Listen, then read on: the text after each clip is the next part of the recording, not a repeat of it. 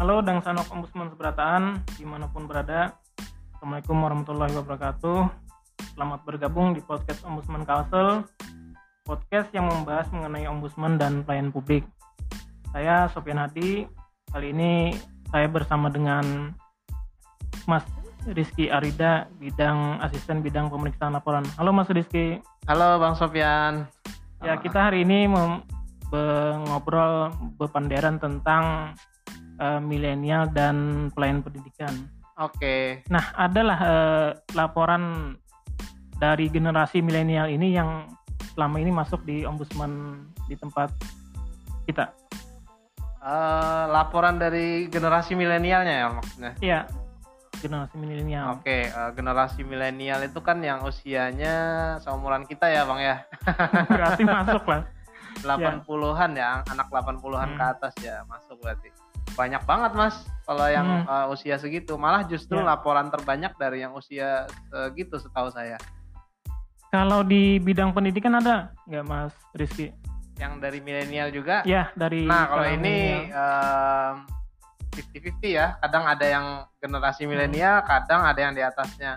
Karena yang ngelaporin itu kan biasanya orang tua ya, udah Iya, punya hmm. eh, anak sekolah SMP atau SMA gitu. eh, kan banyak juga nih di sekolah-sekolah misalkan ada orang yang sudah lulus tapi ijazahnya kada menerima. Nah, adalah laporan di ombudsman ini yang S, yang siswanya yang melapor langsung ke ke tempat kita. Seingat saya ya kalau sekolah eh, jarang ya Mas ya. Hmm. Kecuali kampus kalau udah kuliah gitu Hmm. ada yang ngelaporin Iya. Eh, karena ijazah misalnya ditahan oleh kampus misalnya kayak tahun sebelumnya ya tahun 2019 kita ada nanganin laporan kayak gitu yang semacam itu. Kalau dipresentasikan kira-kira berapa eh, milenial ini yang masuk ke ombudsman kira-kira aja? Kira-kira ada sekitar 40 sampai 60 persen ya, jauh ya marginnya. Nah, sekitar itu ya setengah setengah dari ini didominasi oleh uh, Oh. generasi milenial sebenarnya eh, yang sudah melek informasi sebenarnya karena seperti yang uh, Bang Sofian tahu kan ombudsman nih masih banyak yang kurang tahu sebenarnya. Iya, Nah, Em, ya generasi milenial ini kan eh, lekat dengan sekarang nih gadget. Kita di ombudsman kan ada salah satunya cara lapornya dengan WA misalkan. Nah, banyakkah yang mengakses eh, generasi milenial itu melalui WA atau Instagram kita di atau Facebook? dalam kurun waktu sebulan terakhir sangat banyak bang. Uh, soalnya uh, seperti kita ketahui kita sedang dalam masa pandemi Ah. COVID-19 ya. Terus uh, ombudsman juga menyarankan menghimbau pelapor untuk melakukan laporan lewat uh, media sosial, Iya, WhatsApp ya. Jadi dalam sebulan terakhir ini sangat banyak yang dari WhatsApp khususnya. Eh, selain itu kita juga ada di di, di Banjarmasin ya khususnya sudah ada memiliki Ya. aplikasi lapor kan. Uh, Nah, menurut informasi juga dari Pemko Banjarmasin eh, apa lapor itu juga banyak diakses oleh kaum kaum generasi milenial sekarang ini. Iya. Nah, kalau di bidang pendidikan nih kira-kira apa yang eh, mesti dilakukan oleh eh, anak-anak muda sekarang khususnya untuk apa perbaikan pelayan publik?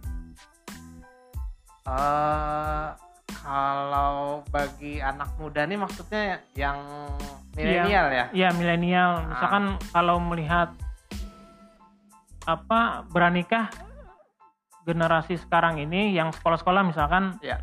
ketika ada pungutan mereka lapor ke ombudsman atau melalui aplikasi-aplikasi yang sudah disediakan oleh pemerintah.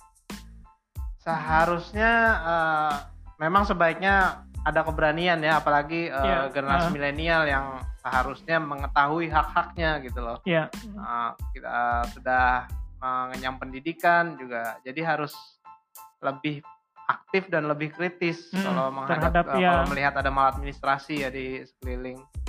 Ah, ah. kalau di ombudsman eh, apa mekanisme aduannya yang bisa disediakan kalau ada WA berapa nomor WA-nya kira-kira Mas Rizky? Kalau kita uh, ada kanal pengaduan lewat WA 0811 165 3737. Kalau lewat Facebook bisa nggak uh, masyarakat mengadu atau lewat lewat Instagram Ombudsman? Uh, kita uh, kebetulan uh, saya kenal teman-teman di bidang pencegahan itu uh, sangat ini ya, sangat progresif banget ya kalau bikin program-program gitu termasuk juga sosialisasi di media sosial. Jadi ada Instagram udah diaktifkan banget tuh. Karena kita juga paham bahwa uh, masyarakat sekarang uh, paling banyak ya generasi milenial ya sekarang di uh, di masyarakat itu jadi uh, Instagram itu sangat strategis itu Untuk, ada di alamatnya di yeah. Ombudsman Kalso. Iya. Uh, kalau Facebook ya. juga ada, cuman setahu saya Facebook nih isinya lebih banyak generasi generasi X ya yang di atasnya milenial. Jadi uh, emak-emak, bapak-bapak, om-om itu biasanya di Facebook nimbrungnya. Nah, jadi kita bisa ngelihat uh, demografi uh, pelapor itu dari situ sebenarnya juga kita bisa nargetkan khusus kalau dari Facebook informasi apa yang sebaiknya kita share segala.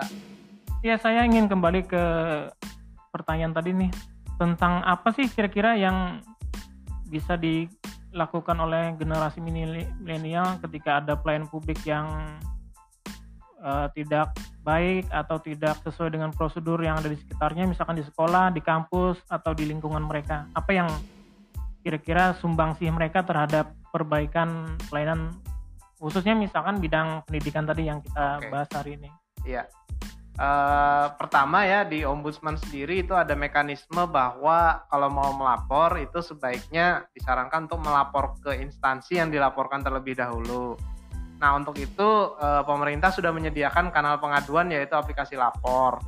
Jadi untuk menggugurkan uh, kewajiban melapor ke instansi tadi uh, saya sih sarannya gunakan aplikasi lapor itu karena sama itu sebenarnya uh, hampir mirip mekanismenya dan bisa dirahasiakan juga identitasnya benar-benar dirahasiakan. Uh, kebetulan saya dulu pernah jadi admin lapor di salah satu instansi sebelum di hmm. bekerja di ombudsman. Yeah. Saya pernah menerima pengaduan anonimus, jadi nggak ketahuan identitasnya. Ya, jangan nah, jangan takut berarti kan anak-anak muda ya. sekarang ini. Dan sangat mudah karena aplikasi lapor itu tersedia di uh, berbagai platform, ada di yeah. website, SMS. Nah, jadi setelah melakukan uh, pengaduan ke aplikasi lapor dan ternyata uh, tindak lanjutnya tidak terlalu memuaskan misalnya yeah. ya, uh. atau masih penasaran gitu, nah langsung aja lapor ke ombudsman habis itu. Jadi kalau tidak direspon, lambat direspon bisa langsung ke ombudsman. Iya, benar banget bang.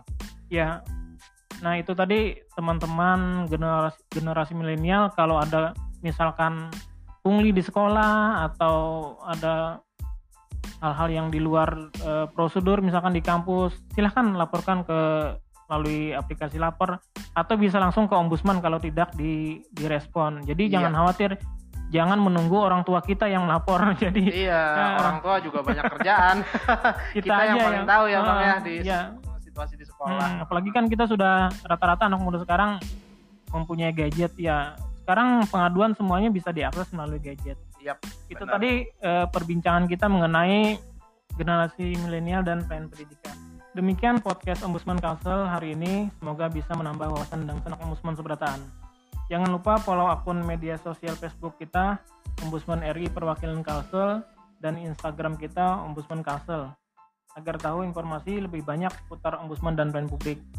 Bertemu lagi minggu depan dengan tema tentang mekanisme penyelesaian laporan di Ombudsman. Tetap jaga kesehatan, jaga jarak, dan di rumah aja. Assalamualaikum warahmatullahi wabarakatuh.